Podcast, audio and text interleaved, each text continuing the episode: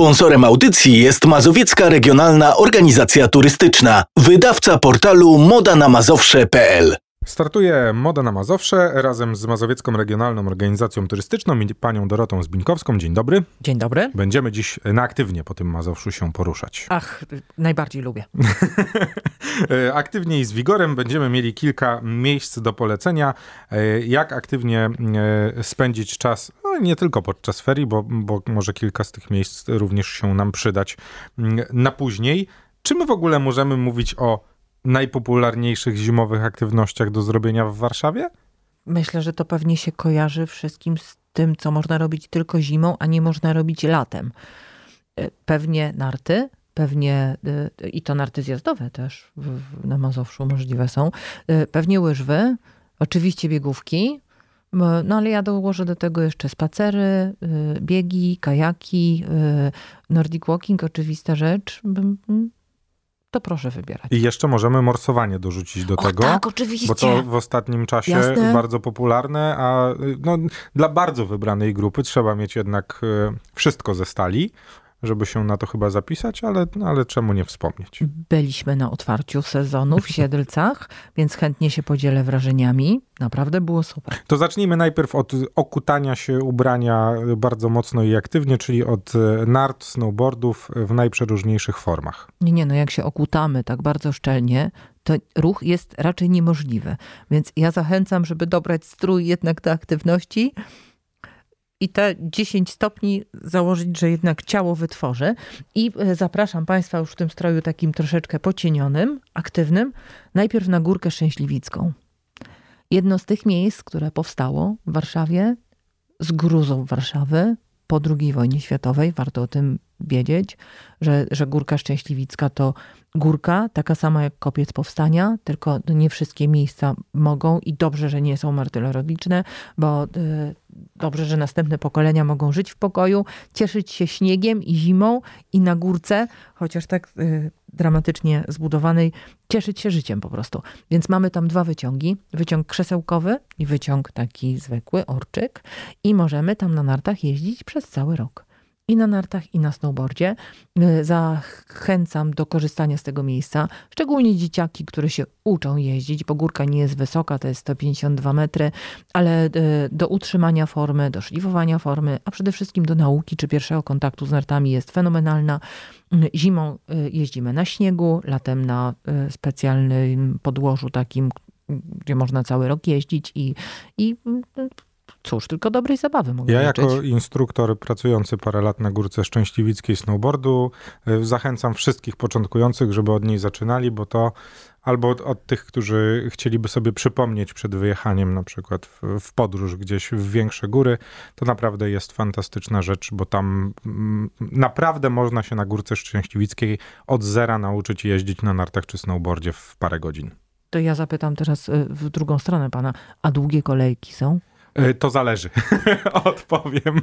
odpowiem. E, oczywiście trzeba przewidywać, że jeżeli chcemy się tam wybrać w sobotę o godzinie 14, to może być problem.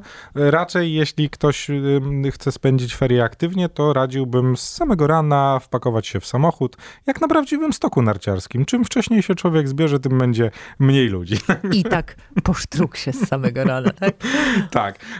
Ale to też trzeba zaznaczyć, że jeśli ktoś tam będzie szukał gigantycznych wrażeń, to raczej jest górka do przypominania sobie rzeczy i do szlifowania techniki, bo da się to e, zrobić. Widziałem paru kozaków, którzy e, nie byli w stanie poradzić sobie e, z tą ścianą na samej górze, bo dodajmy też, że mimo 150 metrów ta pierwsza ściana na Górce Szczęśliwickiej może sprawiać trudności. I widzą Państwo, jak to jest. Y, wokół Górki Szczęśliwickiej rozciąga się jeszcze ta, taka kolejka, y, która to raczej do letnich y, aktywności byśmy zaliczyli, ale też warto o niej wspomnieć. No i urok oczywiście Parku Szczęśliwickiego, no, też warto pamiętać o tym, że to park całkiem spory, po którym można też sobie spacer po prostu urządzić, a na Górce Szczęśliwickiej znajdziecie dosłownie wszystko, bo od instruktorów wypożyczalnie, sam wyciąg, wszystko tam po prostu, cała pełna infrastruktura Niczym w najlepszych ośrodkach narciarskich. Trochę przesłodziłem, no ale jakoś czuję się emocjonalnie związany nadal z tym miejscem. Jestem pod wrażeniem. Myślę o jakimś, nie wiem, ściągnięciu pana do mrotu może. Nie, nie, przepraszam, może to taki ten statement nie, niewłaściwy, ale po prostu nadal czuję się jakoś tak związany przez to, że, że naprawdę trochę czasu tam przepracowałem.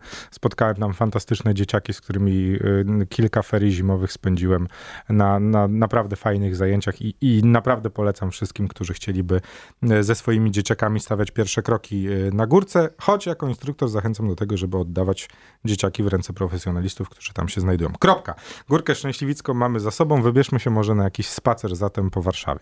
Mm, spacer. Mm, to może, to może tymi pięknymi iluminacjami warszawskimi, które naprawdę są y, y, charakterystyczne dla Warszawy i wyróżniają ją w niezwykły sposób. Nie wiadomo od której strony zacząć. Zawsze jest problem.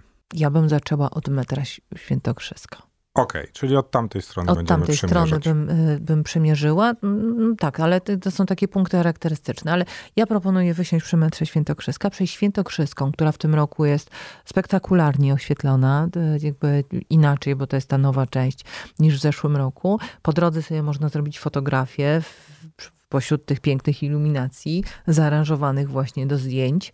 I, y, I później, jak już dojdziemy do Traktu Królewskiego, to można pójść w prawo nowym światem, aż do Ronda de Gola zakręcić. Chyba, że ktoś ma życzenie pójść dalej, jeszcze, nie wiem, do, do Placu y, Trzech Krzyży albo nawet do Łazienek. No dodajmy, że y, przy samych Łazienkach również y, Ogród Botaniczny Uniwersytetu Warszawskiego, w którym również znajduje się jak co roku zimowa iluminacja, która w tym roku jeszcze w bardziej odświeżonej wersji niż w ostatnich latach, z kolejnymi elementami parku dodanymi od tego roku, łącznie z gratką dla, no może nie gratką dla astrologów, ale z przepięknym księżycem, którego w zeszłym roku nie było. Ja się w tym roku zachwycałem, muszę przyznać to już jak tak idąc już tym traktem królewskim, tym historycznym e, traktem, który kończy się przecież w pałacu w Wilanowie, to możemy dojść do Ogrodu Światła, które dwunasty raz w tym roku jest urządzony dla zwiedzających i on co roku ma jakby swoją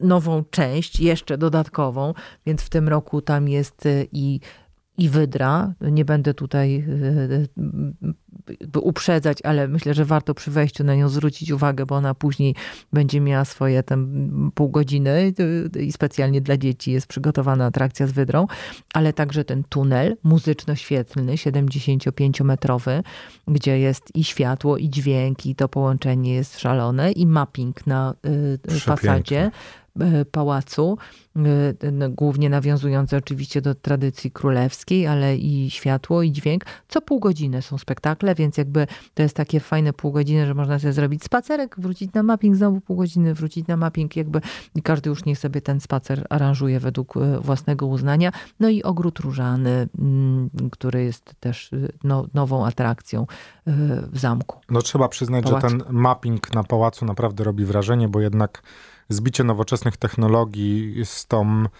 y, monumentalną wręcz architekturą, która się tam znajduje, jest czymś, co po prostu bardzo fajnie się zgrywa w XXI wieku. E, no i pod tym też y, muszę się podpisać obyma rękoma, bo uważam, że to coś, co trzeba zobaczyć, szczególnie jak się jest warszawiakiem, bo jest to coś, czym, czym możemy się chwalić. E, Wracając w takim razie już z tamtych rejonów, musimy zahaczyć o najbardziej chyba charakterystyczny i najbardziej kojarzony ze świętami yy, plac i miejsce w Warszawie. Niech zgadnę rynek Starego Miasta. Tak jest. Oczywiście, że tak. I tam yy, oprócz iluminacji yy, jest też ślizgawka. Tak, a ja bym jeszcze wrócił dwa kroki, bo na skwerze Hoovera Mowa o tym pawilonie. Tak, który... przy, nim, przy nim znajduje się również nie lada gratka dla najmłodszych warszawiaków tak i jest. dla najmłodszych turystów, która y, nie pamiętam, ale od nie, y, nie tak dawna się znajduje, łącznie z napędzaną siłą mięśni karuzelą. Tak, ona jest uzupełniana, jakby i tam faktycznie to jest miejsce takie dla dzieci, taka świetlna karuzela, jest chyba jakieś y, jabłuszko czy Mikołaj, w każdym razie są instalacje takie, gdzie dzieci nie tylko mogą popatrzeć, ale wejść do środka, pochodzić, jakby być częścią jej w środku, można zrobić zdjęcie zdjęcia. Tak, na skwerze Hoovera tych atrakcji Są jest i koniki, moc. i samochody, więc Tak wszyscy znajdą coś dla siebie, łącznie z e, tymi, którzy chcieliby, aby łza wokół im się zakręciła, ponieważ e, auto z saturatorem również w tym roku się znajduje. Także można wcisnąć i posłuchać odgłosu saturatora. Tak, Saturatory mają tak jakby swoje 5 minut powrotowe. I ślizgawki, bo do tego idźmy, bo, bo to jest kolejny taki zimowy sport, bardzo typowy, charakterystyczny. Więc tych ślizgawek dzisiaj w Warszawie jest moc. Tak? Jakby zaczęło się kiedyś od tej ślizgawki na Starym Mieście, ale jest też ślizgawka y, koło Pałacu Kultury i Nauki, jest y, ślizgawka w Koneserze, w Parku Brudnowskim, na Moczydle, y, mm, na Targówku, na Ochocie, w Wilanowie, jakby właściwie każda dzielnica, a czasem nawet i nie- tylko jedną ma ślizgawkę, ale więcej, one są bezpłatnie dostępne dla wszystkich. Najczęściej też są wypożyczalnie łyżew, obok. One już są oczywiście płatne, ale jak ktoś ma swoje łyżwy, to może zawsze y, się poślizgać, pobawić. Y, To szczególnie dla dzieci to jest fajna atrakcja, żeby spróbować. A tych wytrawnych już y, sportowców albo łyżwiarzy zaproszę przede wszystkim na tor Stegny albo na Torwar, no bo tam są już duże lodowiska. Tak, ci, którzy bardziej myślą o hokejowaniu, odsyłamy na Torwar, a ci, którzy chcą się pokręcić po prostu po profesjonalnym to, torze do szybkiej dosyć jazdy, odsyłamy na Stegny. Tak jest. To te dwa profesjonalne lodowiska. No to co, zasłużyliśmy już na e, morsowanie? Nie, jeszcze nie, bo musimy powiedzieć o tym, y, do czego ja się zbieram od lat, czyli o najwęższej narcie, na której możemy się poruszać y, w Warszawie i okolicach, czyli o biegówkach. Czyli o biegówkach. Y, Zależy od aury.